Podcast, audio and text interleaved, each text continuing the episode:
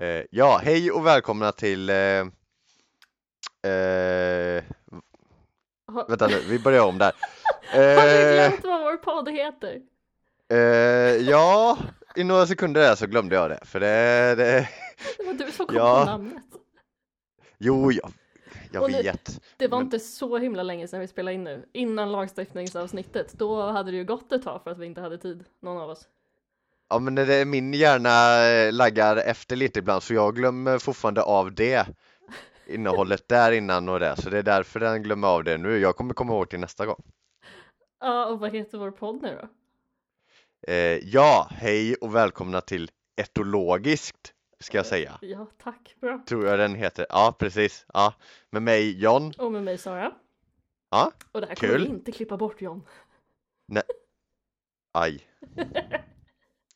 Nej, det var tur att vi, det som vi pratade om in, innan inte kom med i alla fall, för det, det vi hade tänkt sätta igång tidigare och eh, spela in detta avsnittet, men det hände lite saker. Ja, vad var det som hände? Jag påpekade att jag hade tvättstuga om en timme så att vi måste ta paus då. Ja, och du inte hade några hund, underkläder kvar. Underkläder kvar har jag inte heller. Jag vet inte vad det är för något. Nej, precis. Det var så du sa och jag var tvungen att gå på dass, så det, det Det var inte så du Ja. sa. Nej, jag var tvungen att ta, ta en stor jävla skit. Det var inte så du sa heller, men det där var ännu bättre. Så Om man ska, fair enough. ja, ja precis, ja.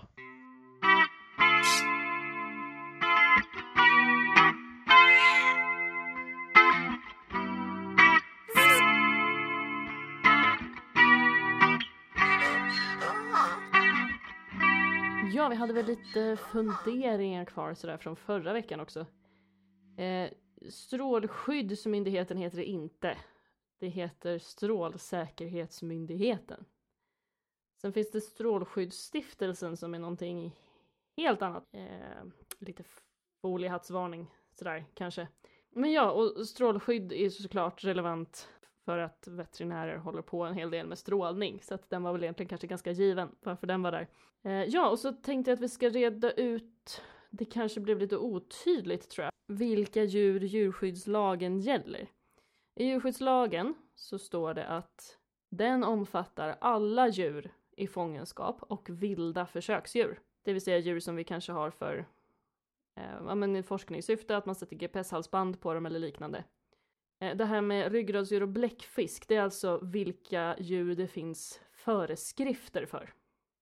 Alltså på Jordbruksverket, vilka det finns en L-föreskrift för med anvisningar om hur man ska sköta.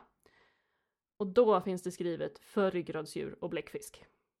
Ja, som nämnts förut, men som väl är bra att ta upp igen, är ju att vi i den här podden inte tar någon ställning för för eller emot att äta kött eller djurindustri i stort eh, eller olika former av djurhållning. Utan det som är vårt mål, det har vi sagt att vi försöker diskutera och prata i enlighet med eh, Sveriges akademiska etologers policy. Så långt det är möjligt. Det är absolut inte en officiell Sveriges akademiska etologer-podd utan det här är vi, jag och John. Eh, men vi, vi eftersträvar ändå att vi ska vara så sakliga och objektiva som möjligt. Att vi ska grunda oss på evidensbaserad kunskap. Eh, idag när vi ska diskutera etik, det är ju annars något som SAE kanske inte ägnar sig så himla mycket åt. Det är svårt att inte komma in på det när vi pratar om djurs beteende. Då blir det ju ofta i förhållande till lagstiftning och till den djurhållning som vi har just idag. Det, det är svårt att liksom bara prata rent beteende eftersom det alltid kommer gå ihop med etik eller djurskydd på ett eller annat sätt. Eh, men SAE fokuserar ju just på etologidelen, men idag ska vi in lite på just djurskydd och etikdelen. Eh, men det ska väl sägas också, det som är poängen är ju att då gå igenom lite olika etiska teorier, hur vi på olika sätt kan applicera det på just djurskydd och djuretik. Eh, gå igenom lite historiskt också hur just Eh, att man överhuvudtaget har börjat tänka på djurskydd eller djurs rättigheter, hur det har växt fram och lite var det kommer ifrån. Eh, Så det ska väl också sägas att när vi utgår från olika teorier och tittar på en viss situation eller sådär, vad de olika etiska teorierna då skulle säga är rätt eller fel, det är ju absolut inte våra egna åsikter. det är väldigt lite egna åsikter. Och vi eftersträvar att inte ha så mycket egna åsikter. Är det det så kommer det vara uttryckt att det här tycker jag på något enstaka ställe. Eh, annars så ämnar vi ju just idag eh, det här avsnittet till att ja, men enligt den här etiska teorin skulle alltså det här vara fel eller enligt det här skulle det alltså vara rätt. Och samma handling kan utifrån olika etiska teorier vara rätt eller fel. Så att det här är ett ganska filosofiskt avsnitt. Eh, ska inte våga mig på att kalla det djupt på något sätt. Eh, utan vi kommer kika lite på olika etiska teorier och hur vi kan titta på vår djurhållning och djurskyddslagstiftning utifrån det. Så som jag och John tolkar det på en väldigt skrapa på ytan nivå idag. Eh, det var väl det som behövde sägas om det, tror jag.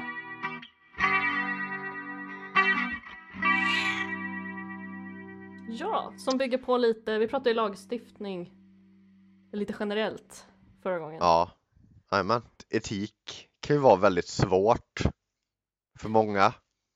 Alltså man kan väl säga att vi har väl en lagstiftning också som någonstans bygger på etik. Etik. Ja. Att vi vill säkerställa ett gott djurskydd och främja en god Ja. djurvälfärd och respekt för djur. Det är syftet med lagen ja. enligt djurskyddslagen paragraf 1. Är all, alla lagar grundade inom samma etik? Alltså jag vet inte om man ens har liksom, man har väl inte utgått från en speciell etisk teori heller. Jag vet inte ens om man har tänkt så Nej. långt som att man ska utgå från någon speciell etik. Nej, precis. Det är bara det som känns rätt. Eller det som är rätt liksom?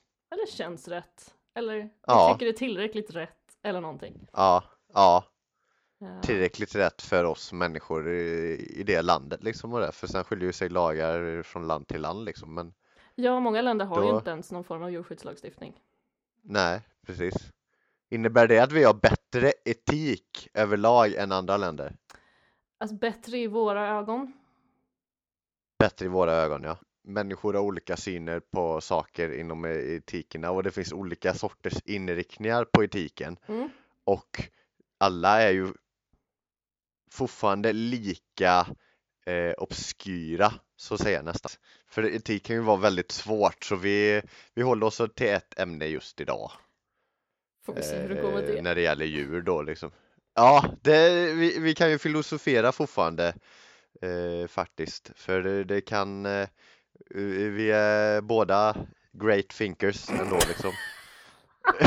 det, ingen, ingen hybris, Nej, det är men du och eh, Sokrates alltså. du förstår, Mm, ja, ja, ja, självklart. Ja, det är jag och Sokrates och vad heter han, eh, han höll på, Immanuel Kant, Ja. eller vem tänker vi på? Ja, men jag tänker de eh, senare, de där, Ima, eh, han Ubermensch, eh, eh, Nietzsche och eh, eh, han fransmannen också. Så, ja, men Vilken det, fransman? Tänker vi på här? Descartes! Des, Des- René Descartes. Descartes. Eller hur, hur fan uttalar man Descartes, ja precis. det? Det, det ska... Eh, Jag är ingen fransk expert, men jag är en stor tänkare. Men eh, nej, men jag jämför mig inte med dem. Men det är alltid roligt att fundera på vad Nej, men det är alltid roligt att fundera ändå. Nej. Ja, precis, för det finns alltid frågor och det som man inte kan och så kanske man kommer på något nytt ändå, men det, det kanske inte är rätt, men man kan ju spinna på Mm. sanningen lite ändå. Lagstiftning utgår ju, det var ju där vi var förra veckan. Då pratade vi lagstiftning, Ja. förra veckan. Som att vi skulle Mm. leverera ett avsnitt i veckan. Ja, i, i min drömvärld Dream gör vi det. on! Ja, ja, lite för ambitiöst. Får vi till ett i månaden just nu med våra liv så är väl det typ Ja. bra, tänker jag. ja, Ehm, förra avsnittet pratade vi om lagstiftning. Eh, lagstiftning och etik hänger ju ihop för att vi har ju ut, liksom grundat Mm. lagarna för att vi tycker att vi ska bete oss på ett visst sätt. Vi Ja, tycker att det är fel att döda andra människor, till exempel. Generellt. Ehm, och även djur. tycker vi verkligen det som samhälle med tanke på Till att vi äter dem? del, nej inte, inte helt eh, samhälle då liksom, men om vi tänker på sällskapsdjuren. Ja, vi tycker ju att det är väldigt fel att döda hundar för mat. Men Ja. som på samhällsnivå tycker vi inte att det är fel att döda kor. Nej, precis. Ehm, Men eh, li- li- liksom då, eh, om vi kollar i Sverige överlag då, är det Har vi bra etik Vem ska döma om det är i bra? Sverige överlag? Men jag menar om vi kollar på så här djurlagstiftningen i andra länder, om vi utgår från det då Djurskyddslagstiftningen i andra länder jämfört med Sverige Kan man jämföra det med etiken i Ja, man kan väl i så fall säga att ett, jämfört med ett land som inte har någon lagstiftning, mm, egentligen att man får bete sig och behandla djur i stort sett hur som helst nästan utan mm, någon Ja, men Ja. utan att påföljder. Eh, så jämfört med det så har ju vi någonstans då bestämt att vi ska skydda de djur vi har som sällskap och de djur vi äter eller gör försök på. Så att man Mm. inte får behandla dem hur som helst medan de lever och de ska avlivas och slaktas på ett visst sätt. Då har vi ändå tillskrivit dem någon form av värde. Eh, men för, Ja. först och främst, det här man brukar alltid säga att ja men etik och moral och så använder man dem lite synonymt. Ska vi börja med att reda Ja. ut varför man har två ord? Vad är det för skillnad med etik? Vad är det för skillnad på etik och moral? Ja, precis Ja John, vad är det för skillnad på etik och moral? Ja, har du inget svar på det? Jo, Vad fasen, det har jag faktiskt. Men eh, etik och moral Sara, vad är skillnaden? Ja, etik, då är det ju hur vi, när vi pratar och typ filosoferar kring hur vi ska bete oss, eller hur vi inte ska bete oss. Moral är vad vi faktiskt sen gör, kan man säga lite enkelt. Okej, så etik är lite som grundlagar? Alltså lag... Ja, alltså et- etik, man kan ju ha en helt annan egentligen då etik än vad man har moral. ja. Eh, det finns väl ganska... Man, man kan tro på något men sen göra något annat. Ja men lite så. Alltså etik det är när vi pratar och funderar på mer teoretiskt Ja. plan vad som är rätt och fel. Och Mm. moral är vad vi faktiskt gör sen utifrån det. Mm. Eh, sen kanske inte moral och handling behöver hänga ihop heller. Man kan ju också kanske ha en skitkass moral med vad man faktiskt skulle vilja göra. Man kanske Mm. skulle vilja utnyttja och såra eller skada andra personer. Men du gör det inte för att Ja. det finns en laglig påföljd. Då har du ju fortfarande en ganska taskig moral. För det är vad du skulle vilja göra, även om du själv på ett etiskt plan skulle anse att det var rätt eller fel rent teoretiskt. Ja, Eh, Så vi har ju lagarna som kommer in där som en konsekvens också. ja precis. För att få folk att typ bete sig så som vi som samhälle har ansett då är moraliskt. Ja, Typ. Och det är ju utifrån då någon slags etik där vi har Jäklar. funderat på vad som är rätt och fel. ja. Så vi börjar med i grunden etiken. Mm. Sen om vi inte haft, eh, haft lagar då liksom, då hade det bara varit etik och moral. Men om lagar eh, varit med hela tiden liksom, då hade vi haft någon för, Lagarna är ju där för att se till att moralen blir rätt ändå. Ja, eller alltså den vi Eller? har bestämt på samhällelig nivå. Sen har vi ju alla Ja. en individuell etik med vad vi tycker är rätt och fel. Ja. Eh, som också kan vara ganska flytande. Alltså vi måste ju kunna Mm. diskutera och prata med varandra, man måste kunna mm, liksom fundera på sin ståndpunkt och kanske ändra ståndpunkt ibland. Så etik är ju ingenting som Ja. är så här lika genom hela livet heller. Kanske. Nej. Nej, Mm, precis. Så när vi pratar om att något är oetiskt, då är det utifrån liksom något synsätt som vi har. Ja, Eh, vi i samhället har. Eller själva. både och. Ja, Alltså vi som samhälle har ju kommit fram till någon slags, inte utifrån någon speciell etisk teori heller. Vi ska ju prata lite etiska teorier. Nej. eh, Och hur Ja. man kan tänka utifrån dem. Eh, Ja. Men det finns ju inte en speciell etik som kanske allting grundar sig i. nej. Eftersom det ändå Nej. är lagar som man har skrivit ner, då är det ju ganska pliktetiskt. Alltså att det finns ett visst Ja. sätt att bete oss på som vi som samhälle är, eller vi som medborgare är skyldiga gentemot andra medborgare. Så Ja. lagstiftning överhuvudtaget är väl ganska pliktetiskt kanske. Och det är det vi ska gå igenom eh, nu också. Vi kan börja med det faktiskt, Mm. pliktetiken. Men eh, till exempel då, för att gå tillbaka lite först, att eh, man ser ju ibland eh, människor eh, och även eh, samhället då skriva i artiklar eller debattartiklar att någonting är oetiskt. Mm. Och då kan ju vara utifrån, både utifrån samhället Det kan ju vara då liksom när det är vetenskapligt grundat och när de ska införa nya lagar och det, att det, de anser det oetiskt. Men det kan även vara väldigt personligt ju i deba eh, debattartiklar till exempel. Mm. Att någon tycker det är oetiskt utifrån mitt sätt, men det kan inte vara oetiskt det behöver inte vara oetiskt utifrån någon annan persons sätt eller samhället. Nej. Etik kan vara väldigt personligt också vad man tycker för man har de flesta människor har- har olika etik ändå. Mm. Jag menar på medeltiden så tyckte man väl att det var fullt etiskt att avrätta folk offentligt på torget. för Ja, att precis. några folk som hade berett, betett sig omoraliskt på något sätt vad man ansåg då. Eh, Mm. tycker ju, alltså idag tycker vi också att man ska ha ett straff. Det är väl klart det finns Mm. anarkister i samhället också. Ja, Eh, men vi skulle inte hugga av folk handen idag, men det var inget etiskt problem på medeltiden. nej. Men li liksom så här då, för det, det, nu kopplar jag detta till ett humorprogram jag hörde för ett tag sedan på Mhm. radio. Det var några år sedan nu, men det, det, det, de beskrev detta så väldigt bra ändå. För om eh, en vanlig Svensson skulle få bestämma lagarna här i Sverige, eller en vanlig person skulle få göra det. Och så eh, satt de på en bio. Det var någon som började med, prassla med en påse, vilket för många är väldigt irriterande. Mm. Och de borde verkligen göra något åt denna snubben som håller på att prassla med påsen. Och i nästa klipp då så sa de så här bara eh, Vad har hänt med din kompis? Nej, du såg inte eh, skylten när du körde in i byn eller? Nej, han prasslar med påsen på bio. Nu hänger han vid skylten där borta. Så ja, om, om vi hade varit lite andra personer som bestämde lagarna och det så kan det ju vara väldigt skillnad på hur hårda lagarna är för vissa saker. Mm. Alltså det var inte länge sedan vi förbjöd barnaga, så det måste ju ändå ha funnits något Nej. etiskt konsensus om att det var helt okej att slå barn i uppfostringssyfte. Det tycker vi Ja. inte längre nu. Nej, så Nej, det man ska komma precis. ihåg är väl att det här är föränderligt. Ja. Och Aga kan ju fortfarande anses eh, okej enligt vissa Mm. människor. Det gör det säkert här i Sverige och i världen också. absolut, det finns säkert svenskar som ja. tycker att det absolut inte är något oetiskt problem och att det typ är för barnens bästa man skulle slå dem. Ja, Men nu har precis. vi i samhället i stort kommit överens om att det ska vara olagligt att göra det. Utifrån våra precis. värderingar. Så det ska man väl ha lite i åtanke också att den djurskyddslagstiftning vi har idag, det är ju liksom vad den typ stora massan godtar. Typ.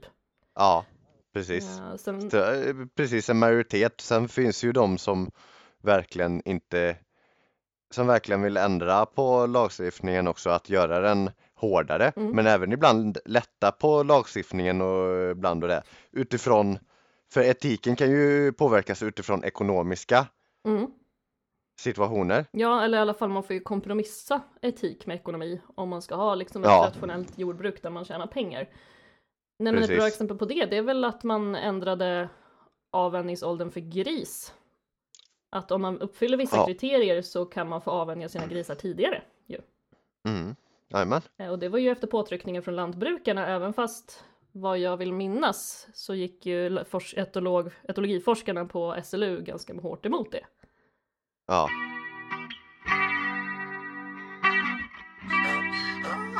Men ja, ska vi börja Nej. prata lite etiska teorier då? Ja, har du vi sett, kan jag börja med fråga, det har vi... du sett The Good Place på Netflix? Jag har sett delar av det. Ja, jag tänkte på han eh, som är professor i, vad är han, ethics eller någonting. Ja. Ja, vad är han? Ta en snabb recap av det. Vad, vad, Moral philosophy Vad är han gjorde han? professor i. okej, Eh, bra, vad gjorde han då? Bra Eller? serie. Nej, men jag, jag tycker hela den serien, vi har, ju lä- vi har ju läst en del etik sen innan så det var inte så himla mycket nytt. Ja. Vi, vi är inte jättedjupt bevandrade i etik, det är vi inte. Eh, men lite fick vi med oss från utbildningen. Ja, Eh, men det är en väldigt rolig serie. Ja. Eh, handlar om en tjej som till synes har levt ett ganska omoraliskt liv.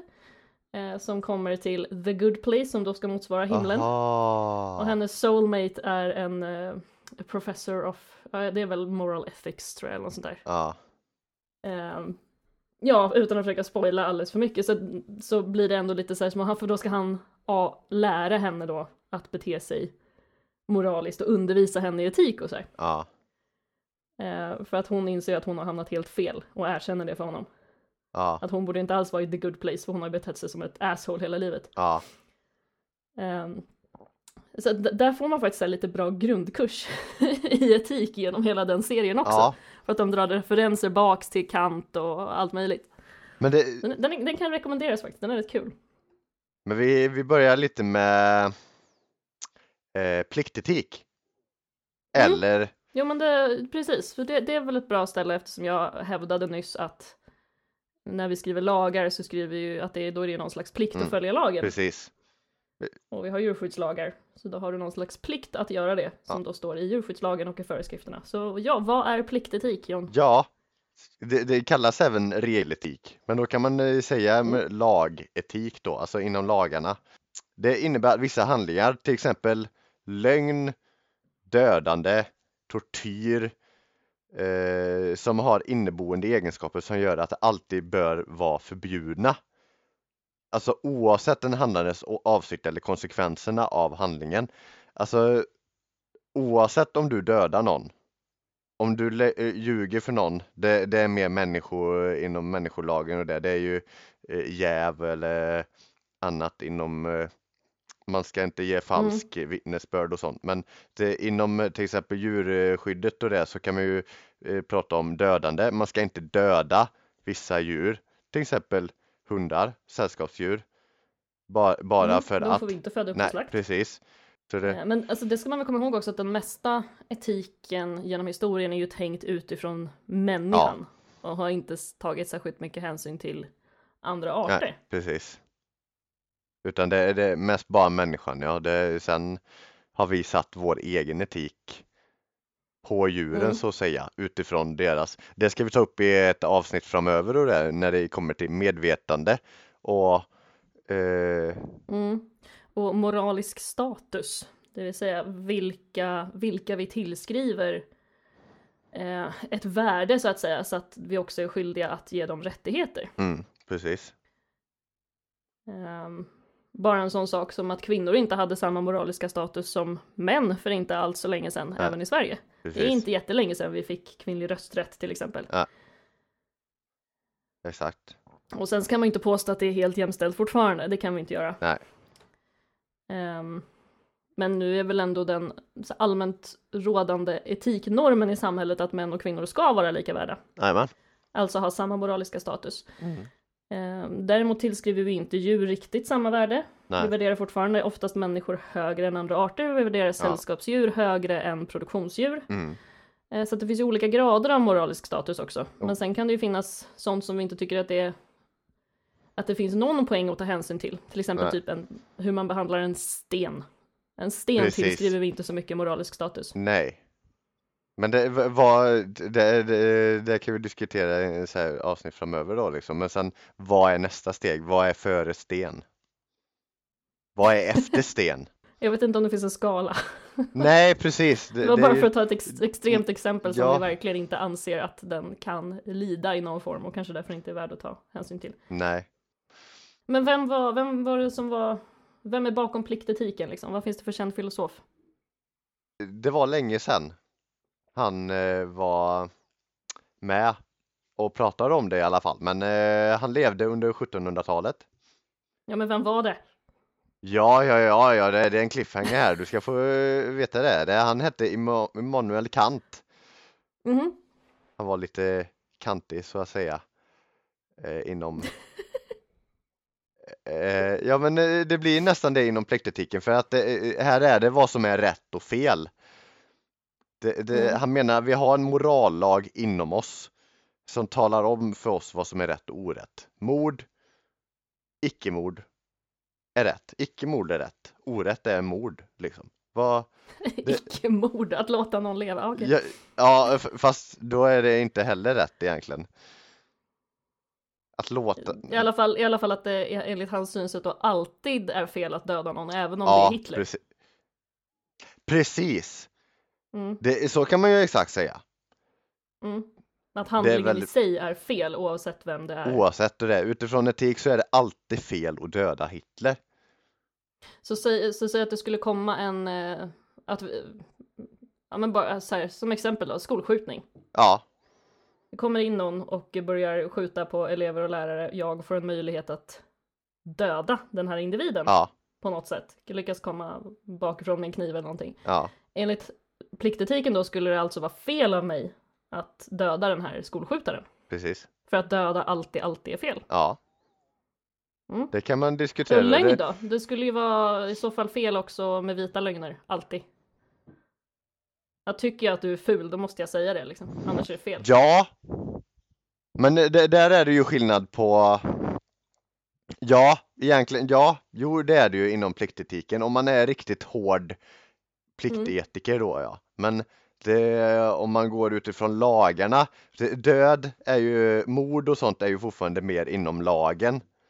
Mm. Eh, Men han menade väl att det här alltid skulle gälla? Alltså för alla individer alltid? Jo, inte bara för att det alltid ska vara fel och typ bära falskt vittnesbörd. Nej, egentligen. Men det är ju så samhället ser ut. Ja, han menar ju så. Mm. Sen behöver sen- man inte följa det, man nej, kan ju välja vad man inte vill föl- följa och ja. inte. Precis, exakt.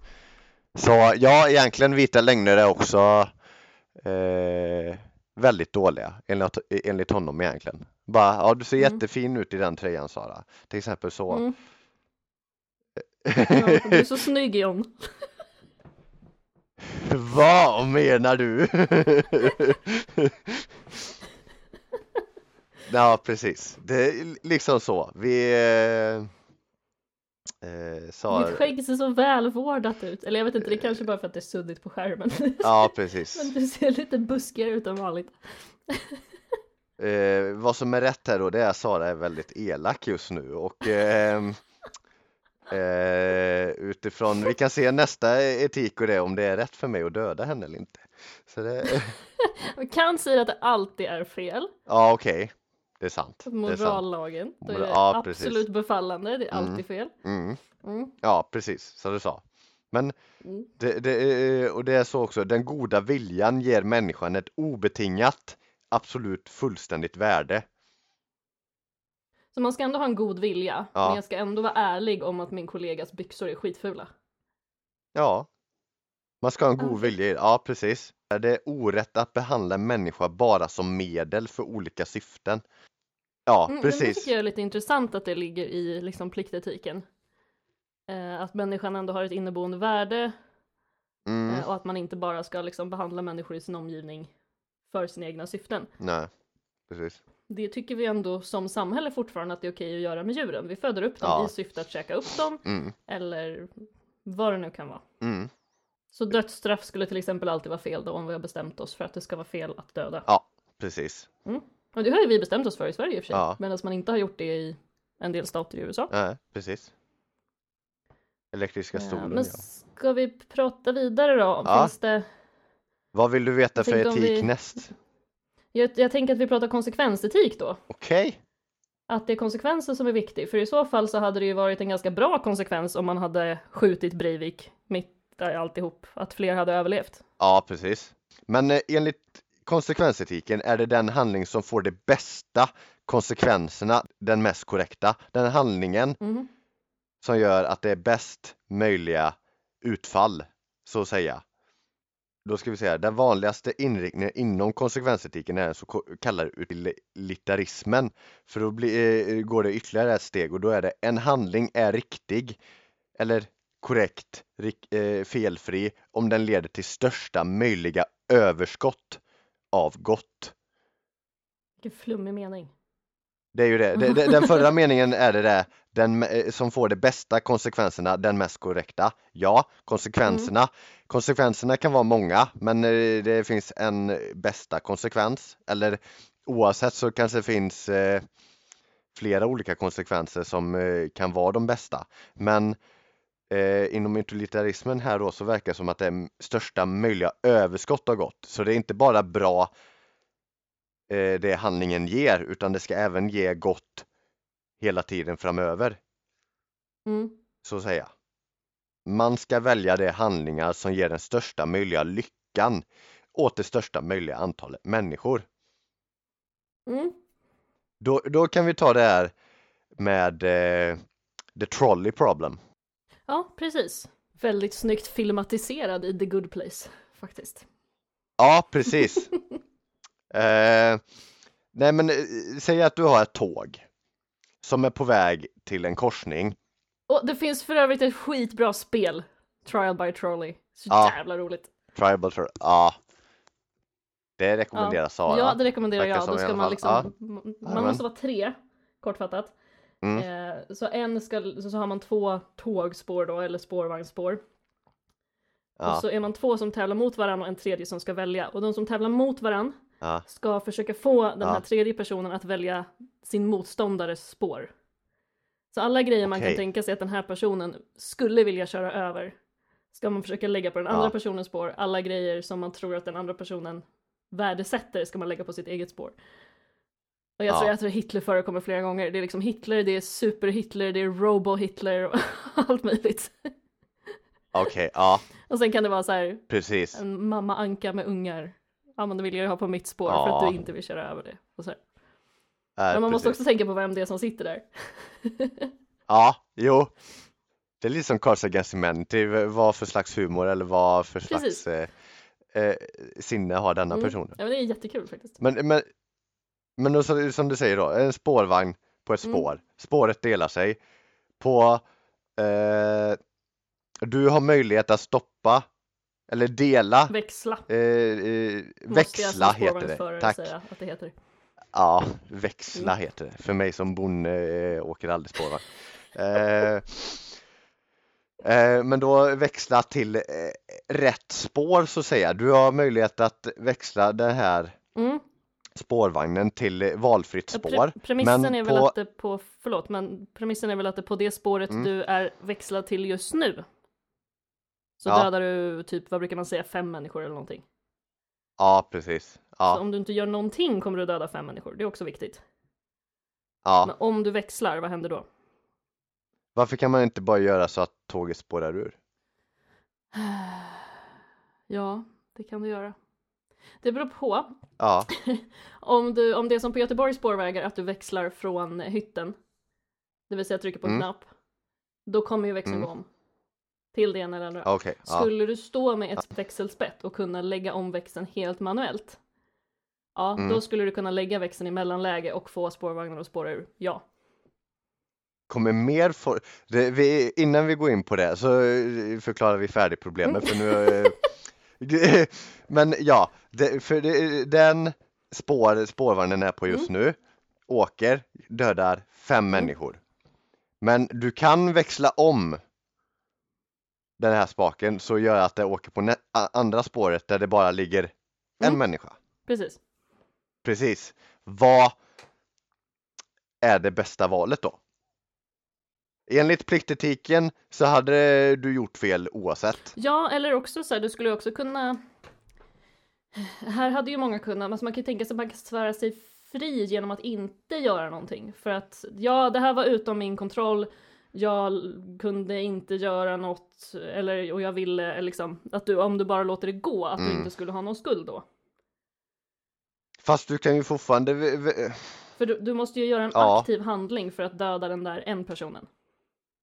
Ja precis. Gör du Och jag ingenting, gör ju ingen aktiv... Så dödar du Nej, fem. Men det är ju också, Det är ingen aktiv det man måste handling, komma ihåg är ju alltså, att det alltid är ett val att inte göra något också. ja precis. Ja. Men eh, eh, om man säger då utifrån konsekvensetiken då hade det rätta varit här att döda en Mm. person. Precis. För fem människor får leva. Men man skulle ju enligt pliktetiken då kunna hävda just att du gör den aktiva handlingen att döda en person. Att det Mm. kanske då är den aktiva handlingen som är fel. Medan om du inte gör någonting så har du Mm. inte aktivt gjort något. Oj, då var det spårvagnen eller växling, den som ansvarade för trafikledningens fel liksom. Ja precis, bara hur kan den låta folket ligga här på spåret liksom? Ja, precis. ja, nej men så i det här fallet så konstaterade vi att konsekvensetiken så är det bättre att döda en Mm, än att döda fem. precis. Eh, Man brukar ju dra den här lite vidare. Mm, Precis. Ehm, Jag har hört det, exempel, alltså det har varit i, det är i läroböcker så det är också, också filmatiserat in the good place. ja, Eh, Alltså sjukt rolig serie, den är väldigt speciell. ja, Um, Okej, så säg att du har fem sjuka personer. ja, en hjärtsjuk, precis. en lungsjuk, en eh, som behöver en njure En Ja. annan som behöver den andra njuren. Kolera, Eh, vad transplanterar man mer för något? hjärta. Sa jag inte redan hjärta? Ja okej, men eh, penis. Okej, någon som behöver en penis. Ja. Sure. Penistransplantation, absolut. Eh, Kan man göra? Det, det är väl teoretiskt möjligt? Det är gjort ja. Det är, är gjort, okej. fysiskt gjort också. Okej, ja, men okej, då har du en, fast det är inte livsavgörande. Det är inte livsavgörande, nej okej. Ehm, Nej men okej, du har fyra sjuka personer och en sjuk person utan penis. Jag vet inte, skitsamma. och så har du en frisk man uppenbarligen då. mm, Eh, skulle vi resonera likadant här så skulle det vara värt att döda den friska personen för att ta organen till de sjuka människorna. mm, Om man ska gå rent enligt ren konsekvensetik där. mm. Eh, plus att han utan penis fick en ny penis då. Men han var Mm. inte dödssjuk så jag vet inte hur han kommer in här. Ja, precis. Men där har vi också någonstans bestämt att man ska ha någon form av autonomi mm, och huvudsaklig rätt till sin egen kropp. mm. Vi tycker ju till och med att man ska ha rätt att bestämma vad som händer med ens kropp när man har dött. Ja. Att man Precis. aktivt ska behöva anmäla att bli organdonator. Eh, Men alltså jag kanske tycker det borde vara ett aktivt val om man nu inte vill göra det. Ja, Att då precis. måste du gå in och säga nej. Ja. Eh, sen lite så här dead is dead. Mm. Men, mm, Men ja, vad har man för anledning egentligen att inte vara organdonator? Om man inte har Precis. sjukt dåliga organ. mm, sant. Sen nej, ni vill inte ha min lever. Ja, min lever är rätt okej tror jag. ja, ja, ja. Ja. Det... Den lever. Lite mycket Ipren kanske. Men eh, då kan man diskutera annat här med då liksom. Vad eh, om den ensamma människan här har möjlighet att göra som ligger ensam på det ena spåret är Mm. jätterik eller eh, eh, har något annat sätt på att göra fler människor lyckliga om den överlever Mm. än de fem dödssjuka personerna säger vi som är nära döden. Okej, det ligger fem dödssjuka personer på spåret. Ja, precis. Mm. Och det, den eh, ensamma där har möjlighet att göra hur mycket som helst för framtiden. Den kan ge hen- lycka åt andra. Och hen skulle göra det också. Ja, precis. hen Och hen skulle göra det om hen överlevde, ja. Precis. Så Skänka det är inte bara... miljoner till välgörenhet typ. Ja, precis. Då skulle det i så fall vara rätt att köra över de fem som snart ändå ska dö. Ja, precis. För då har ju den ge eh, största möjliga lyckan åt det största möjliga antalet människor. För då ger den ju Mm. mer lycka åt mer människor än Ja, Mm. precis. Men, Sen den som först började dra in djur i det här också, för som sagt, du sa största antalet människor. mm, precis. Sen var det väl, Peter Singer är väl gitarrist, vill jag säga. Ja, det är han. Men han drog också in djuren i det här. Ja, precis. Att vi då snarare ska, det här är en e- egen tolkning, inget Pet- Peter Singer har sagt, men att vi då ska maximera lyckan eller välfärden eller vad vi nu vill kalla det Mm, till största antal då individer som har någon förmåga att känna lycka eller ha förmåga att lida. mm. Här, här är ju väldigt bra för eh, det var en fråga här. What is Peter Singers main moral principle? Mm. If we can prevent something bad from happening without sacrificing anything of comparable moral importance, then we ought to do so. En gång till. Vad är det vi ska göra? If we can prevent something Om bad vi kan förhindra något dåligt. from happening without sacrificing anything of comparable moral importance. Mm, Utan utan att offra att- någonting egentligen. Ja, precis. Then Då we ought to det. do so. Ja, precis. Ja. Och då eh, går ju det bra in på djuren där. Ja, för jag tänker ett annat, alltså vi har ju någonstans ett utilitaristiskt perspektiv när vi typ tänker att samhället fortfarande accepterar försöksdjur. Mm, precis. Då har vi ju värderat överlevnaden för folk som insjuknar i cancer till exempel. Har vi Mm. värderat då högre än de mössens liv. Mm, Möss precis. eller marsvin eller vad vi nu har. Eh, Så att vi vill ju maximera lyckan eller nyttan eller välfärden Mm, egentligen då hos så många människor som möjligt och då har vi gjort avvägningen att vi tycker att det är värt att offra de djur vi måste. mm, Men vi gör också, i och med att vi har tre R-center, det vill säga som ett center som ska utreda och förbättra och effektivisera djurförsök. mm. Man försöker ju redan nu att minska antalet djur så mycket det bara går. Ja, inom djurförsök. Det är inte så att eh, alla forskare är onda och skiter i djuren, utan det här jobbar man aktivt med hela tiden. Men att man fortfarande har gjort avvägningen att jo, nej, men för att forska fram de här medicinerna behöver vi fortfarande djur. ja precis. Eh, Så det är väl också på något sätt ett typ utilitaristiskt perspektiv, fast där vi också har värderat människor högre än djur. Ja, enligt eh, Peter Singer nämner också att man ska inte ta in, vad heter egalitarianism? Vad heter det på svenska? Svensk, svenska, svenska ja. Egalitarianism. vad- Ja, precis, Egalitali- Precis. Svårt ord. En, Jäm, jämlikhetsism. precis. In, Nu måste jag gå och mänsklig tvätta så vi jämlikhet. måste ta en paus, men jag kan behålla dig på, eh, på telefon. Okej, jajamän. Bra.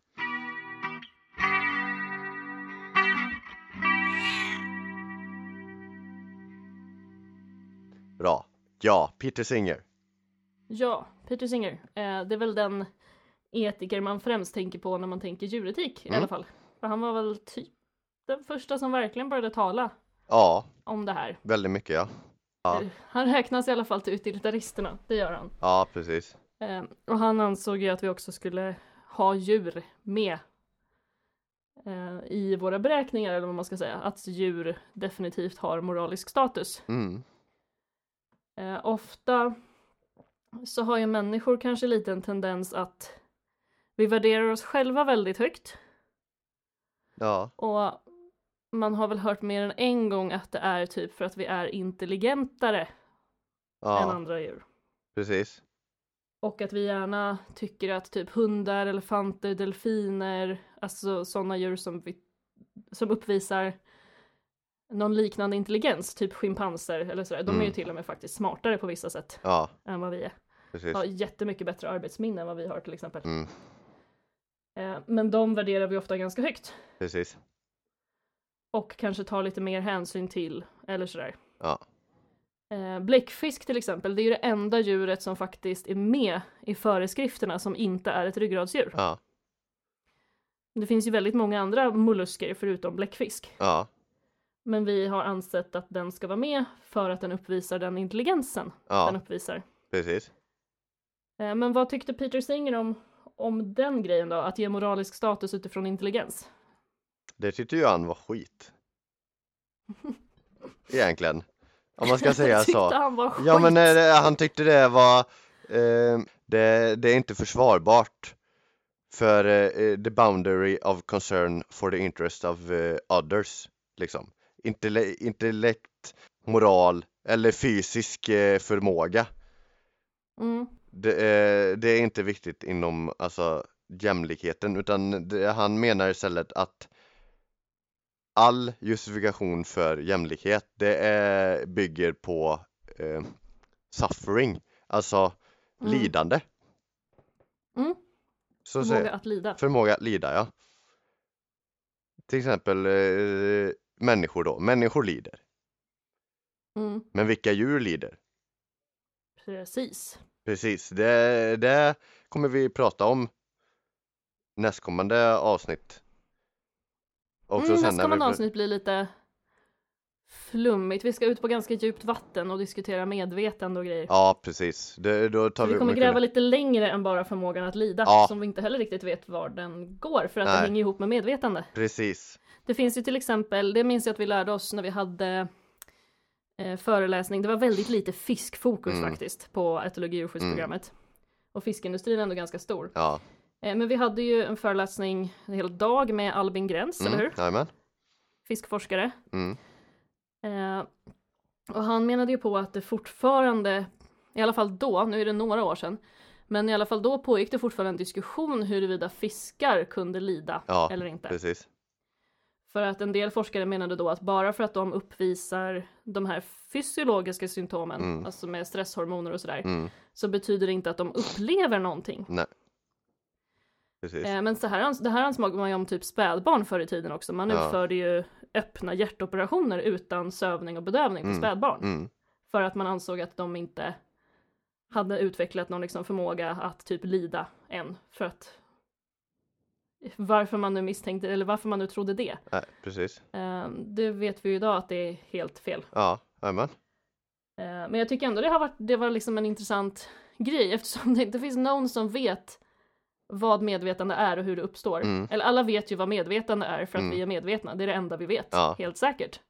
Är att du själv har en Precis. upplevelse. Ja, Alla andra runt omkring dig kanske är zombies, vem vet? nej, precis. Eh, så att det är ju ganska konstigt då att man vill förutsätta att fiskar inte kan lida fast Mm. de uppvisar andra, alla andra fysiologiska stress och smärtsymptom som vi också gör. Ja. Eh, Medan Albin menade ju då på att men det är väl självklart Ja. att fiskar kan känna smärta. Alltså för att känna måste man ju kunna uppleva. Ja, precis. Ehm, ja, vi kommer lite mer in på det där nästa gång. Ja, jajamän. Men där har det alltså bara 2015, jag kan tänka mig att den här diskussionen fortfarande pågår. Mm, Att det fortfarande diskuteras huruvida fiskar kan lida eller inte. mm. Precis. Eh, Så att vi ska inte tro att vi bara tycker att åh, nej men och det är självklart att alla djur kan lida. Men vart drar vi gränsen? Nej, precis. Jag tänkte det var ju några år sedan så när det var så här stora nyhetsrubriker att Australien declare animals sentient beings. Ja, Alltså i någon mån medvetna på något vis Ja. varelser. ja, Alltså att de bör tas hänsyn till. ja, Men animals är ju väldigt brett. ja, Ett svampdjur är också ett animal. ja, precis. Eh, utan nervsystem. Men det har fortfarande djurceller och räknas fortfarande till riket animalia. Precis. Så vart de tyckte att de skulle dra gränsen, eh, tveksamt, har inte Mm. grävt så mycket i det. Nej. Men vi har ju tyckt att vi ska dra gränsen vid ryggradsdjur Mm. Och bläckfisk för att de är intelligenta. Ja, Eh, sen så gäller ju lagen alla djur i fångenskap står det ju. Men Ja. det finns ju bara föreskrifter för ryggradsdjur och bläckfisk. ja,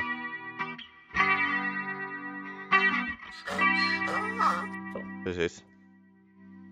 Men, Eh, ehm, Men ja, tillbaks till Peter Singer då. ja, Då ansåg han alltså inte att vi ska eh, grunda hur vi får behandla en annan individ på basen av dens intelligens, utan förmågan att lida. ja, precis. Och där kan vi ju bara anta. Det är lättare för oss att föreställa oss att en schimpans eller en hund kan lida, Mm, precis. än vad det är att föreställa oss en sjöstjärna. Ja, exakt. Så det här är ju en väldigt svår fråga att svara på Ja, också. Att jag har vart drar vi gränsen då? För att det vet vi ju inte. nej, precis. Vad, nej, för vi vet ju inte vilka djur som lider. Vi, eller, vi vet ju vilka djur som lider, men vi vet inte om alla djur lider. Mm. Nej, Precis. upplever en sjöstjärna någonting? Nej.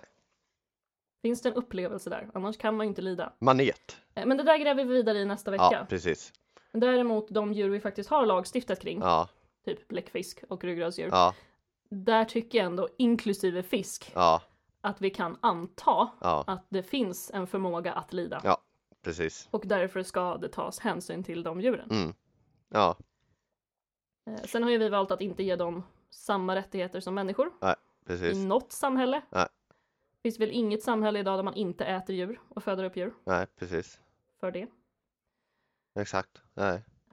På något sätt, ja. Ja, men man kan väl egentligen säga att det var väl i stort sett Peter Singer som grundade hela djurets rörelse Eh, från början. Det var, det var ju en som var lite tidigare med egentligen. Mm. Eh, som kan eh, anses Ehm, Men eh, för att bara sammanfatta snabbt det där, alltså Peter Singer var ju Han är ju mo- ändå modern utilitarism mm, han lever för-? Han lever, ja precis. Han är, Ja, han ja, lever. han lever. Han är där nu liksom.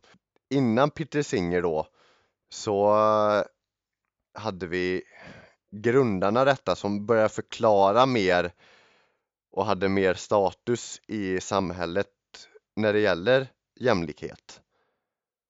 Och då pratar de även om kvinnliga rättigheter och homosexuellas rättigheter och till slut även djurens rättigheter. Detta var de Mhm. som grundade, det Jeremy Bentham. När levde han då? Han levde under 1700-talet, 1700-1800-talet. Redan Oj, där. det var ändå ganska tidigt att börja prata om Ja, framförallt kanske homosexuellas rättigheter. precis. I alla fall att de inte skulle vara eh, straffade. Mm. Det är Jeremy Bentham och även hans, eh, hur ska man säga, följare levde under 1800-talet. Eh, mest då, det är John Stuart Mill. Mm. Eh, Det låter bekant. Ja, eh, han fortsatte då Benthams eh, arbete, men han höll ju inte med allt Bentham gjorde heller. Eh, för att där diskuteras mer det, naturen, alltså grunden till eh, glädje. Vad är det som blev glädje? Vad är det som blev njutning? Mills diskuterar sen också att glä viss glädje och njutning som är bättre än andra, till exempel intellektuell eh, njutning är bättre än Mhm. de som är eh, merely sensual and that we share with animals. Han fick inte ligga mycket den här snubben. alltså. Nej, precis. Nej. Ska vi anta att han är en Det hör incel? jag det. Ja, nej men alltså det, det... Nörd. jag tänkte Jag ska visa. jag, jag, jag tänkte mer incel men eh, okej. Ja, fast inte sitta och hata på allt och alla utan bara nej, den intellektuella njutningen, den är den bästa njutningen. ja, det är sant. Jag står över alla kötsliga lustar. ja, precis. Typ. Det var så han lät. Ja, lite så. Ja. Eh, lite nörd då ja. Sen är du och jag toknördiga. Men, Ja, precis. Eh, vi- vi är vi är followers of eh, Mills. Nej, jag ska... Nej. Den, den intellektuella njutningen. Mm. ja, Nej, Nej. alltså när min pojkvän kommer, vi sitter och läser poesi och räknar matematik. ja, ja, ja. Det är det vi gör. Ja, Mm. Exemplariskt, exemplariskt min kära pojkvän. Ja! eh, men precis, eh, intellectual pleasure, eh, de är bättre än, bara Mm. sensuella och eh, de som vi delar med djur också. Så han var ju inte lika glad i djur verkar det som heller. Prefrontala funktionerna som typ språk, abstrakt tänkande och så vidare. Ja. Det, det, det var alltså bättre. Ja. Det ska värderas högre. Ja, precis. Eh, ja, och det är väl lite det vi le- lever kvar i i så fall då. Ja, precis. Mills. När det gäller njutningen då överlag att det var mer kvantitativt än kvalitativt. En kvalitativ. Ja, precis. Så eh, Ja okej, så alla får ligga är liksom en dålig idé, Mm. typ. För att det bara är kvantitet men inte tillför någonting. mm, precis. Ja, nej, men det man anklagade den för var lite svinig, Mm. swine argument. Eh, worthy only of swine. Eftersom man då skulle säga att eh, livet inte har något högre värde än pleasure. Ja, precis. Mm. Jo, men han, ja, det här var ju tydligen en grej som Mills ska ha sagt i alla fall. Mm, Eh, I sin bok tror jag. precis. Eh, där han frågar sig om det är bättre att vara en missnöjd, so- en missnöjd Sokrates, eh, dissatisfied, jag vet inte, otillfredsställd Sokrates, Sokrates än en tillfredsställd gris. Ja, precis. Jag, jag, jag tycker det låter trevligare att vara en tillfredsställd gris faktiskt. Jag håller med. Eller tillfredsställ grisen än eh, Ja. Anna. Alltså jag vet ju liksom inte heller vad jag missar. Nej. Ja okej, Sokrates var smart på många sätt och vis. Eh, även om hans syn på pedagogik kanske var lite flummig. Ja. Eh, han, han var en av de som ansåg att kunskapen är inneboende och ska plockas fram av läraren. Så här skitflummigt. Ja, Eh, men okej, det var länge sedan. Fair Mm. enough. precis. Väldigt Eh, länge sedan. Så hellre än att sitta där på mina höga hästar och filosofera, alltså är jag en glad gris så är jag i alla fall glad. Mm. Nämen.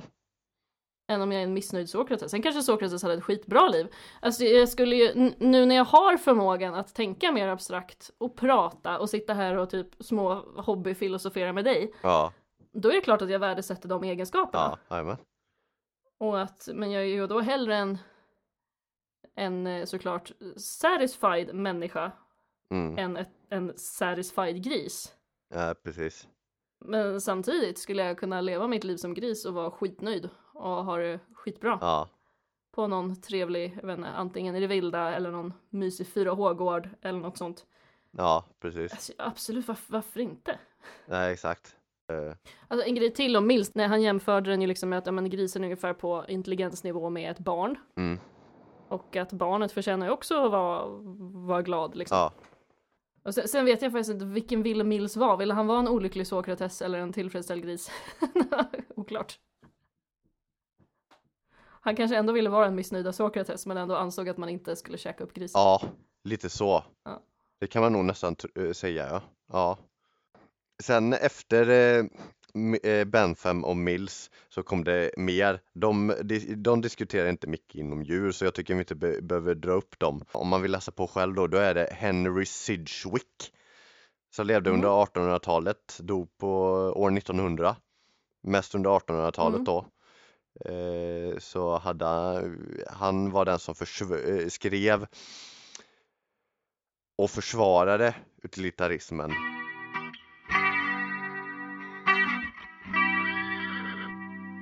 Ehm, är det värt att nämna Utility Monster eh, tankeexperimentet? Ja, gör det, gör det. Ja, nej men ehm, alltså det är egentligen bara ett tankeexperiment egentligen. Det var alltså, namn Robert Nozick. no, no. Men Det är med Z, eh, N-O-Z-I-C-K. Nozick. Eh, en amerikansk filosof i alla fall. Så man kan ju se det här som pengar eller vad som helst, men det exemplet de tar upp här var eh, att, ja men okej, vi gillar alla att typ äta kakor. Eh, och om du och jag kanske då får en, om vi ska dela upp, eller mät, om man ska göra det Mm. mätbart på något vis. Och säga att det finns njutningsenheter då.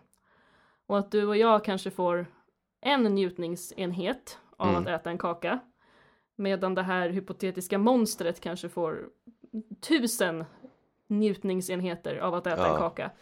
Då skulle ju alltså det logiska då vara att för att maximera den totala välfärden så ska monstret ha alla kakor. Precis.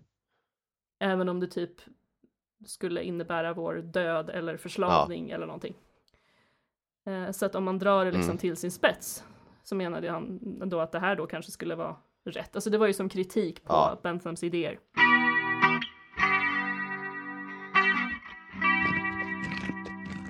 Ja, men tillbaks vad, vad gäller just Peter Singer då. Ja. Eh, Källa BBC på det här i alla fall. Mm. Eh, att det var i en dokumentär Mm. i alla fall. Eh, så har han en konversation med eh, en forskare Mm. eh, som forskar på Parkinson. Mm. Och han och Singer pratar om att vid det här tillfället, det här var 2006 som artikeln skrevs, Mm. så hade 40 000 människor blivit, fått sin Parkinson förbättrad Mm. genom att man hade då offrat 100 apor, jag vet inte vilken art av apa, Nej. Eh, som hade fått Parkinson just för det här syftet. Och då har, alltså Singer är lite mer nyanserad än- än att han bara typ vill banna djurförsök eller sådär Ja, helt. jo. Eh, utan han har då sagt att, att om, det här, om det inte fanns någon annan väg Mm. att komma fram till den här kunskapen och hjälpa de här människorna Ja, precis. eh, så kan han se det som försvarbar, forsk- försvarbar forskning. Ja. Så han, alltså det är väl helt i linje med de här tre R-centren och allt vi har Ja. utvecklat att jag tror inte att vi, alltså jag tror det knappt finns en enda etolog som inte önskar att djurförsök inte behövdes. Mm, precis. Det pratade vi ju väldigt mycket om på de försöksdjurskurser och sådär vi hade, att det är väl klart att alla som jobbar med försöksdjur önskar Ja. att det inte behövdes. Ja. Men att man fortfarande gör den avvägningen för att vi inte har något annat sätt att komma, att komma fram till det. Ja. Eh, Sen får man såklart tycka att det är fel. Men, men det blir ju så här utifrån utilitarismen då, alltså eh, minimizing suffering as a whole is the morally correct Mm. course of action. Ja, du är inne blir på mer mer utilitaristiskt synsätt igen. Ja, precis. Att eh, det blir ju verkligen så då. Om eh, eh, djuret kanske lider en del så kanske den här, the suffering, eh, utifrån den kan göra lycka till mer människor. Så att det blir Mm. minsta möjliga lidande oavsett.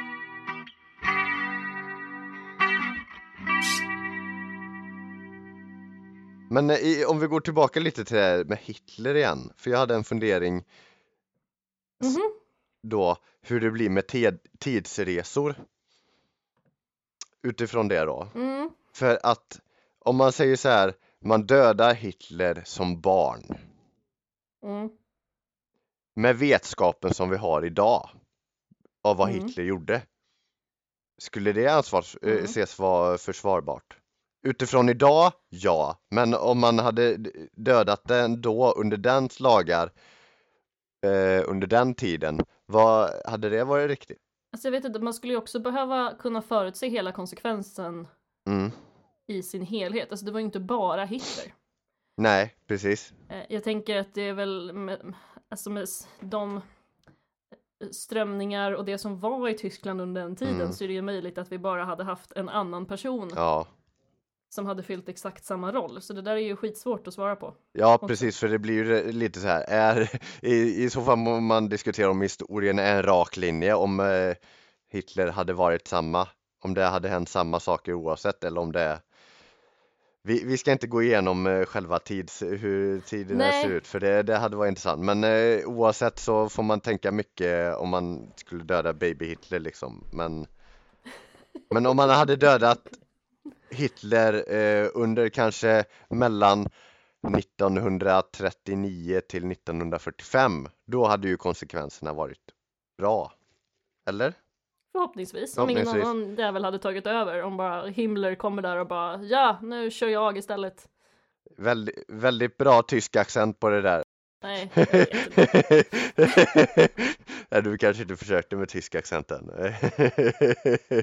Vad sa du? Jag trodde du försökte med eh, tysk eh, accent, men eh, Nej, det, jag sa nog bara Himmler. Ja. Väl... jag trodde, men du sa ja efter det och jag bara tänkte ja. Ja. Nej, men eh, Eh, Jag har ingen bra tysk accent faktiskt. Nej. Men, eh, jag ska inte ens försöka tror jag. Vi, eh, men det finns ju inom historien och det försök på att Hitler dödades och även hans närmsta så att se till Mm. för att ingen kunde ta över det liksom. Men det, då krävs det mer resurser och mer planer än vad man möjligen kan göra också. Jag tänker det. Och nu är vi ju inte nära någonstans där vi faktiskt kan resa bakåt i tiden. Nej, precis. Eh, Lyckas vi med farkoster som kan resa framåt i tiden, alltså som kan närma sig ljusets hastighet, Mm. nu är vi väldigt långt därifrån. Ja, Eh, Men det känns ju som större chans att vi skulle lyckas tillverka någonting som kan resa nära ljusets hastighet än att vi ska lyckas gå bakåt. ja, sant. Och i så fall är det ju tekniskt sett att man reser i tiden. Och om man åker upp och färdas nära ljusets hastighet i några dagar så har det gått långt många fler dagar på jorden. Ja, Eh, det kanske vi är lite närmre. Men nu har vi spårat ganska mycket och det här är vi Coolt. ännu sämre experter på ja. Vi, vi, än vad vi är på etik. Men vi, vi kan eh, faktiskt gå vidare från eh, konsekvensetik tycker jag. För eh, Ja, alltså vi har fortfarande bara avhandlat typ två i stort sett etiska teorier. Vi har pratat om pliktetik, ja, att det alltid var fel att ljuga. Vi har pratat konsekvensetik, ja, att eh, om min lögn leder till något bra så är det bra. Eh, och så kom vi in på utilitarism utifrån det, Mm. pratat lite djuretik. Eh, men alltså det är ju, utifrån Peter Singer då. det är ju ändå de två största inom etiken. Mm. Jag tänker hela djur, liksom föreskrifter och sådär när man pratar om att djur ska kunna bete sig naturligt och sådär, då har man ju tänkt på konsekvensen. Ja, precis. Och lite också utgått från att djuret faktiskt kan lida Ja, i någon mån. Men man har ju inte gjort samma avvägning som Singer, nej, precis.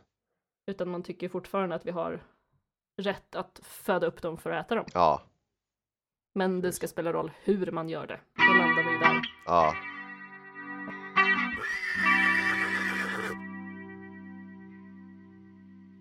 som är nästan är, nästan är motsatsen till konsekvensetik eller utili- utilitarismen. Det är sinnelagsetiken. Ja, den är i alla fall ganska... ehm, den, den kan Ja, ju absolut precis. komma i konflikt med konsekvensetiken. Ja, Och utilitarismen, det har du rätt i. Men det är upp, mer uppenbart med konsekvensetik. Här är det avsikten bakom handlingen istället för konsekvensen av handlingen. Vad avsikten är, om jag gör den här handlingen så kommer detta bli bra.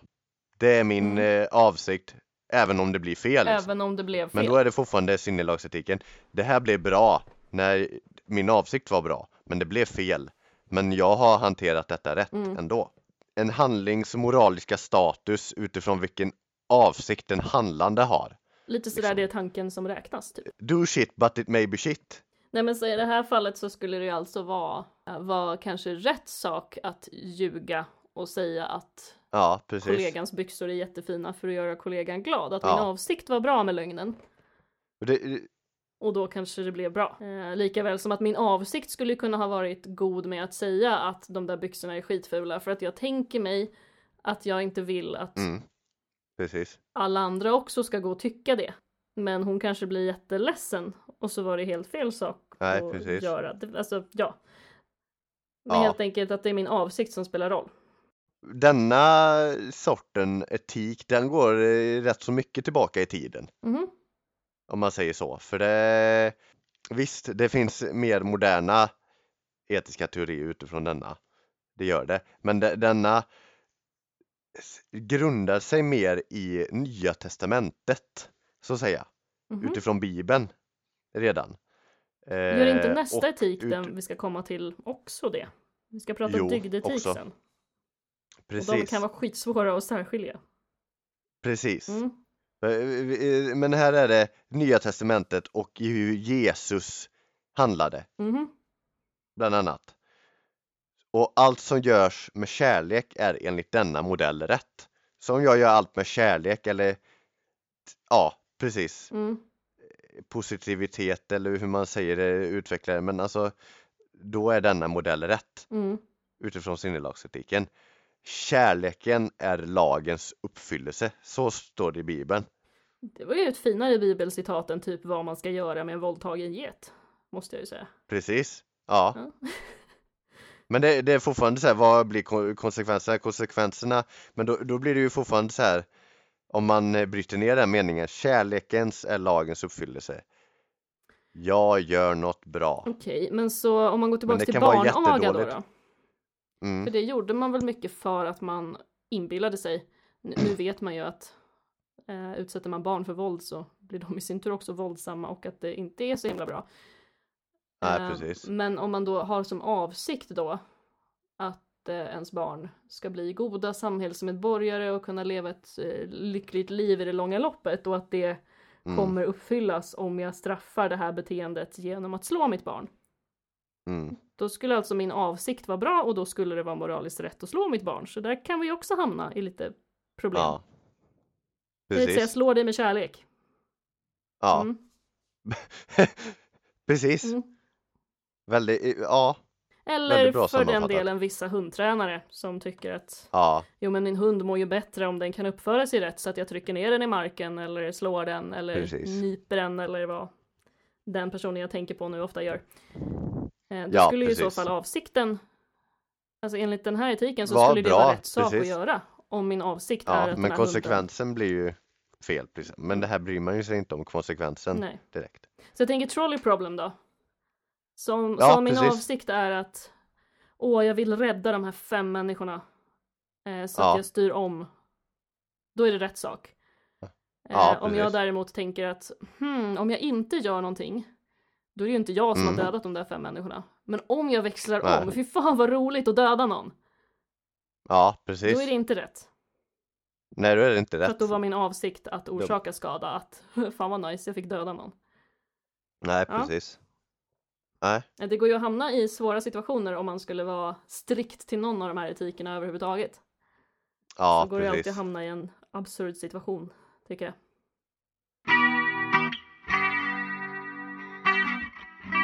Alltså, sen finns det ju många varianter och andra teorier så där vi inte kommer ta upp, men det här är väl liksom de, Nej, precis. de eh, Det är de vanligaste grund... Ja, precis. som man läser i, jag vet inte, filosofi 1. Jag har inte läst filosofi 1. Har Nej. bara läst djuretikkurserna. Ja, precis. Mm. Nej, men det är absolut. Det, det, förklarar ändå grundläggande om sinnelagsetik. Mm. Men nu ska vi vidare till, vi, vi kanske fortsätter diskutera och så här ut, olika situationer utifrån alla de här etikerna då. Men Ja, vi vill få med dygdetiken också. Så nu, Ja. nu ska vi tillbaka till Aristoteles. Precis, och han här var ju före Kristus till och med. Mhm. 384 år före Kristus. Då var han född i alla fall, men eh, Alltså som sagt, jag tyckte det var rätt svårt att förstå exakt vad skillnaden var här mellan sinnelagsetik och dygdetik. ja. Ja, Så jag tror att vi kan hamna lite kanske där igen. precis. Eh, Men om vi, för grundläggande det jag har tagit två meningar som man kan ta med från början istället innan man förklarar det mer flummigt. Mm. Det är dygdetiken är en uppfattning att etik är något vi successivt kan lära oss genom att eftersträva dygder. Mhm. Att etiken inte är någonting som är eh, statiskt eller oformbart så att säga utan etik är något vi lär oss efterhand Mm. och med goda dygder som vi har gjort genom livet kanske utifrån eh, ja, hur ska man säga? Det, man kan ytterligare sammanfatta det så här att dygdetiken skiljer sig från de andra modellerna genom att den inte ger en färdig modell för rätt handlande Mhm. utan istället handlar dygdetiken mer om att utefter erfarenhet och strävan kunna göra det bästa av situationer. Mm. Jag tycker det förklarar det rätt så bra. Jag förstår fortfarande inte exakt hur Mm. det är, men eh, det, det blir fortfarande så här.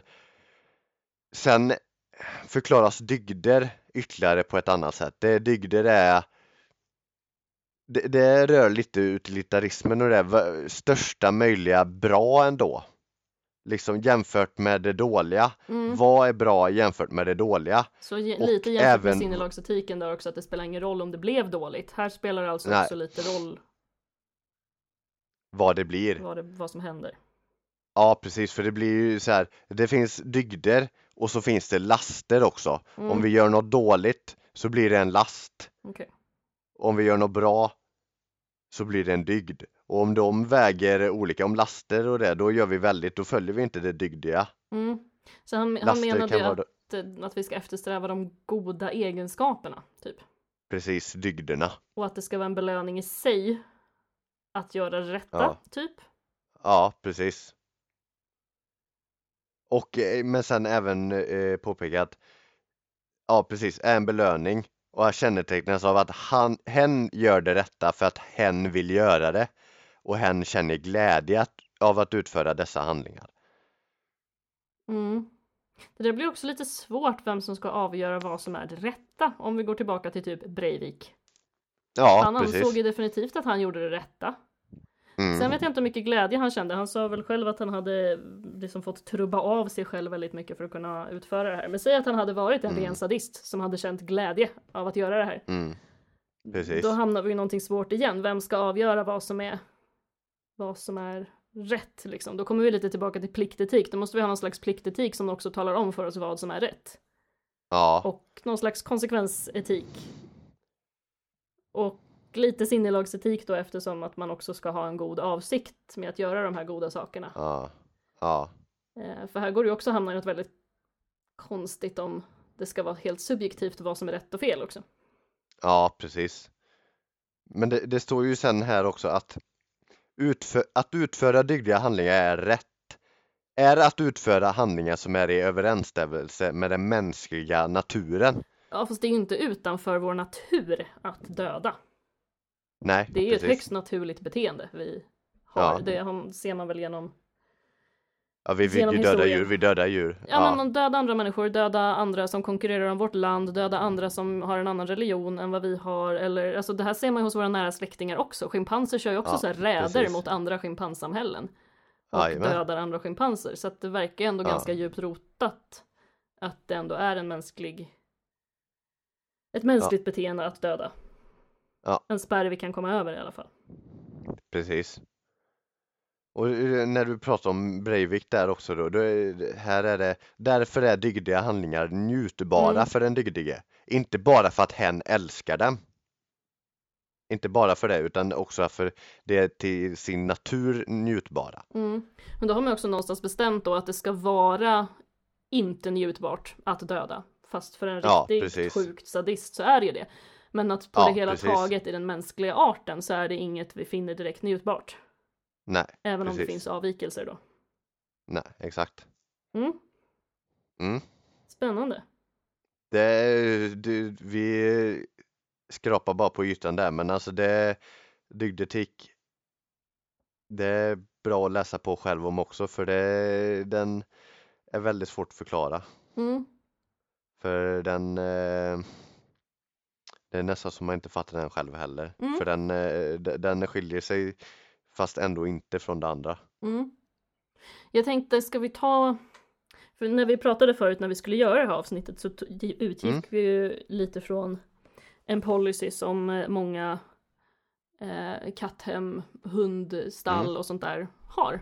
Mm, mm, Eh, att det finns ja, både Sverige och utomlands, alltså shelters i USA och sådär. Eh, det finns ju Mm. vissa, eh, alltså där oönskade djur kommer in, hemlösa djur helt enkelt, där man försöker omplacera djur till nya ägare. Ja, Eh, och en del har ju liksom som policy att om djuret inte har blivit adopterat efter så och så många dagar kanske, eller om ja men vad det nu kan vara som gör att det inte kan få ett nytt hem, så ska man ta bort det och göra plats för ett annat djur som kanske kan få ett Ja. hem. Medan man på andra Precis. stall har en no kill policy. mm, alltså där man inte avlivar djur, om det inte är av medicinska skäl då. Att Ja, precis. djuret lider, djuret kommer inte må bra, djuret är sjukt. Men att annars ska de inte avlivas, hur typ förvildade de än är. ja, Eh, så tänk om man tittar på det här, typ no kill policy. mm, Om vi börjar från ett pliktetiskt perspektiv. mm. Ja men då skulle Ja. det ju, ja då är det ju väldigt Eh, försvarbart då. Ja, Om vi har precis. bestämt oss för att döda de här katterna eller hundarna är fel. På ren princip. Ja, precis. Jajamän. Så länge det inte är Helt rätt. medicinskt. Ja. Eh, om den så sitter här i sju år, i det här lilla rummet, inte blir tam, mår dåligt i stort sett hela sitt liv Mm, och aldrig får ett hem, så var det fortfarande rätt Ja. sak för att vi har en no kill policy. precis. Mm, det, här, det här är svårt. Ja, Mm. Men det, det, är- det är ju så då. Enligt Mm. pliktetiken så är det så. Eh, och utifrån, Konsekvensetiken. ja alltså utifrån utilitarism i så fall om vi ska se till Ja, den maximala välfärden hos populationen katter i en delstat i USA. Till exempel. mm, Eh, då kan man ju se det också som att den här katten sitter och tar upp plats ja, för och hindrar andra katter som skulle kunna ha blivit omplacerade i andra hem från att få komma till katthemmet. mm, precis. Vilket alltså resulterar i att istället skjuts de ute på gatan. Mm, Eller svälter ihjäl ute på gatan. ja, Och att då skulle det vara fel att ha en no kill Mm. policy. mm, Eftersom att då skulle det bästa vara att omsätta så många katter som möjligt och få ut så många katter som möjligt till nya hem. ja, precis. Mm. Ja, så det Eh, går ju, detta går ju emot no kill policy, det går ju emot konsekven- eller utilitarismen i Ja så fall. precis, och då, alltså, då är det väl de shelter som tänker att nej men vi vill få ut så många djur som möjligt eh, till så många personer som möjligt. Mm, Då har ju de ett mer utilitaristiskt synsätt när man ändå väljer Mm. då att avliva djur som är svårare att placera ut. mm. Um, Medan de som har en no kill policy då rör sig mer inom någon slags pliktetik. Mm. Sinnelagsetiken då? Ja, jag tänkte på en scen i How I Met Your Mother. Eh, du har Okej. sett alla avsnitt, eller hur? Ja, Ja, jag tänkte den när Te- Ted dejtar hon som pratar för mycket. Ja, när han sitter ja. och föreställer sig vad det kan vara hon sa när han var på toaletten som Ja, gjorde att de mm. andra inte tyckte om henne. Egentligen tycker de bara att hon är jobbig för att hon pratar nonstop. Ja, Och han säger just, "Ja, men vad var det hon sa? Och så var ett förslag då att så här, Ja, vilken fint, vilket fint armband du har. Ja, det är ett gammalt, det är ett hundhalsband. halsband. Jag volunteer at the pound. Ah, Ja. kul, gulligt. Ja, you can't imagine the rush you get from killing an unwanted puppy.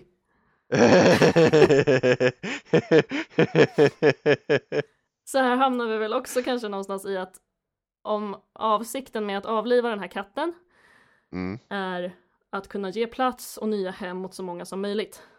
ja, Så är det ju men, eh, en men, bra sak. men andra hållet, ja precis, Mm. men andra hållet då, avsikten att ha kvar no kill, Mm.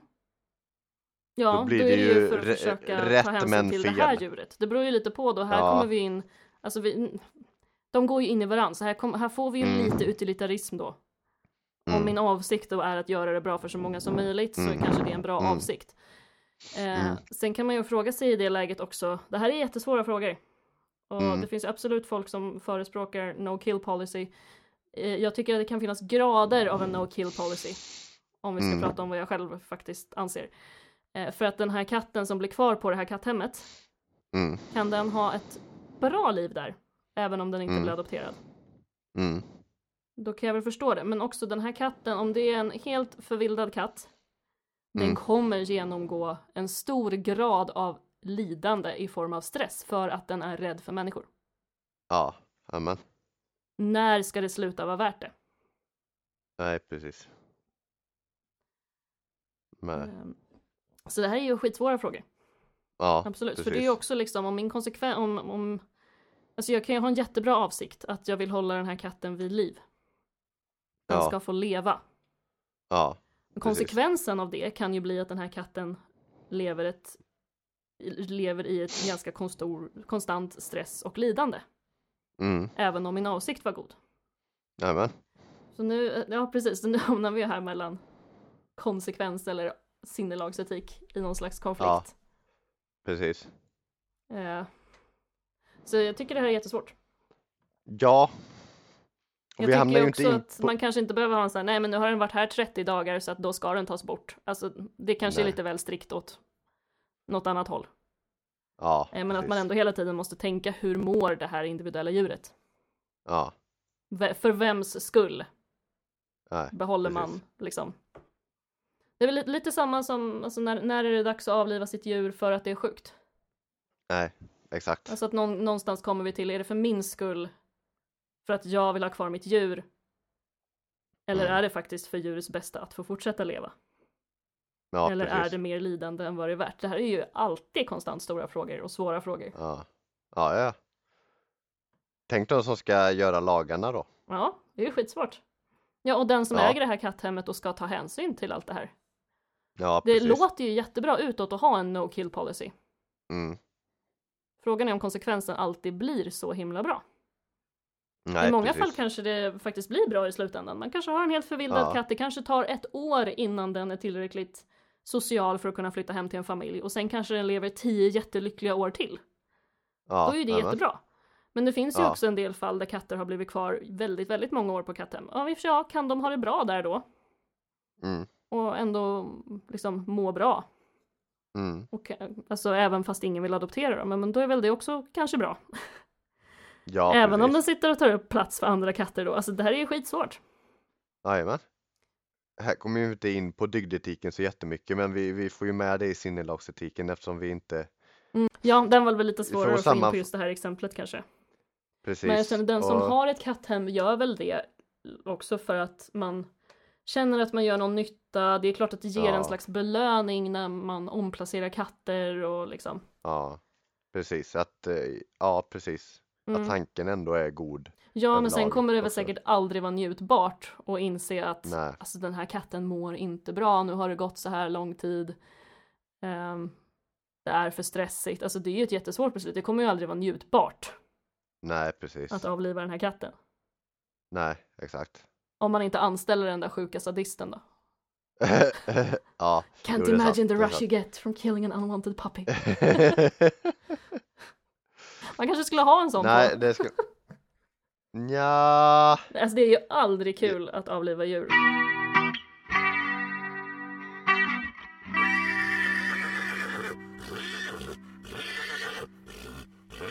Jag tycker vi har sagt svårt väldigt mycket i detta avsnittet. För Mm, men det här är svårt. e- etik, etik är svårt.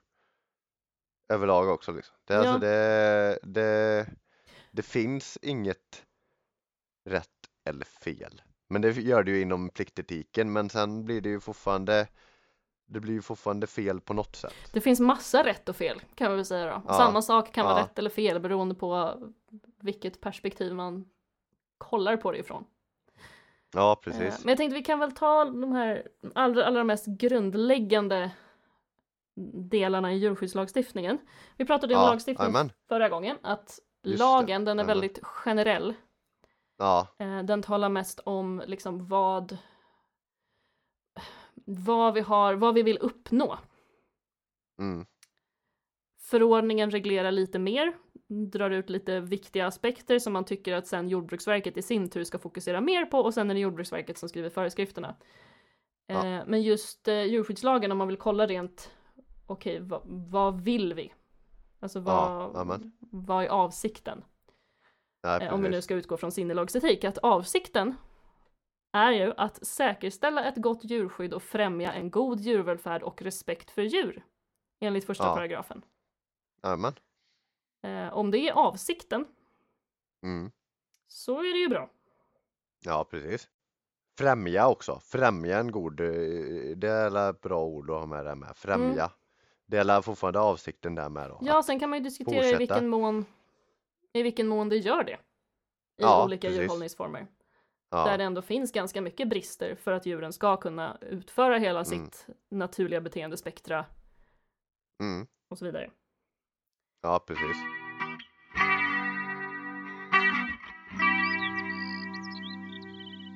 Nästa gång kommer vi gå vidare lite mer, då lämnar vi lite teorierna lite bakom oss. Ja, Eh, och vi går vidare lite med eh, just Peter Singers poäng där med det här med lidande. ja precis. Att det vi behöver ta hänsyn till är inte hur intelligent någon är utan förmågan att lida. Ja, Eh, Så att lite det kommer vi ta utgångspunkt ifrån. Och sen dyka in på lite ännu mer områden som inte riktigt är vårt område, men som är väldigt intressant. ja, jajamän. Eh, Så vi kommer ju inte komma fram till något svar om vad medvetande är, men vi ska dyka in lite i det problemet som man just brukar Mm. kalla the hard problem of consciousness. Eh, Jajamän. Och dyka in lite i vad, vad problemen är och vad vi inte vet, snarare än vad vi vet. Ja, precis. Jajamän.